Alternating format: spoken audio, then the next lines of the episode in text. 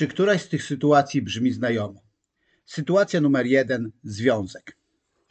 Sama nie wiem, czy go kocham. Niby tak, ponieważ bez niego czuję się źle. Jednak będąc z nim czuję się coraz mniej sobą. Sama już nie wiem. Mówi jedna z moich klientek. Proszę, aby podała mi jakiś przykład takiej sytuacji. Wtedy mówi. W tamtym miesiącu chciałam zapisać się na zajęcia z zumby. Moje koleżanki chodzą tam raz w tygodniu i świetnie się bawią. W odpowiedzi usłyszałam. Oczywiście koleżanki są ważniejsze ode mnie.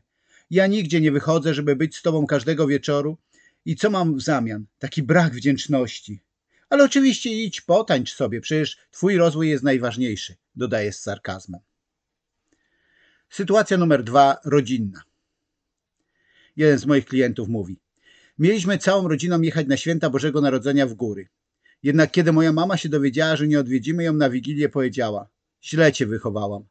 Może to już moja ostatnia wigilia, a was nie będzie na niej.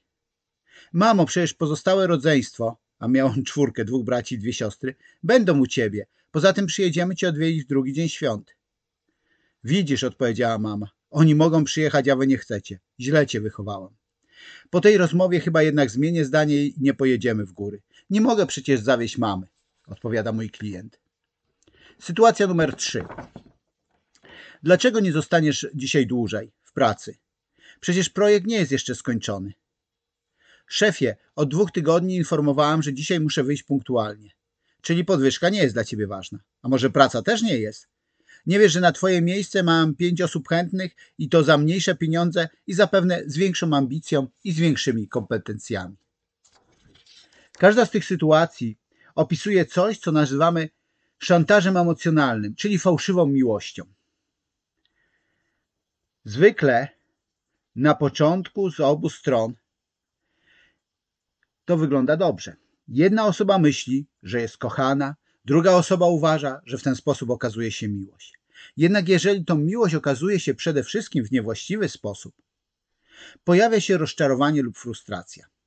Rozczarowanie, kiedy strona, która szantażuje, nie otrzymuje zachowań, które by chciała. Frustracja, kiedy osoba, która jest szantażowana, nie otrzymuje wolności, którą by chciała. Kluczowy moment w takiej relacji jest wtedy, kiedy osoba szantażowana odmawia szantażyście. Dlaczego jest to kluczowy moment? Ponieważ jeżeli szantażysta robi to nieświadomie, to jeżeli sobie to uświadomi, to zmieni i zmieni swoją postawę, oznacza to, że taka osoba działała bez złej woli. Natomiast jeżeli tak się nie stanie, wtedy oznacza to, że dana osoba działa w złej wierze i należy podjąć kroki w stronę odejścia z takiej relacji. Można się zapytać, ale dlaczego jednak ulegamy szantażowi? Możemy odpowiedzieć na to akronimem LOVE, czyli fałszywa miłość. E, prawdziwe słowo oznaczające po angielsku miłość pisze się przez V. Natomiast tutaj ten akronim jest napisany przez W, żeby pokazać, że to jest podobne do miłości, tak szantaż emocjonalny może być trochę podobny do miłości, ale jednak nim nie jest. Szczegółowo wyjaśniać ten akronim będę w następnych nagraniach. Teraz powiem tylko, co oznaczają poszczególne litery, które, czyli takie cztery motywatory, które sprawiają, że ulegamy szantażyście. L jak lęk, boimy się. C, czego i jak to się pozbyć w następnych nagraniach. O, jak obowiązek ponad miarę. Nie chodzi o nasze obowiązki, ale o nakładanie na nas obowiązków ponad miarę, którą jesteśmy w stanie udźwignąć lub na którą się umawialiśmy.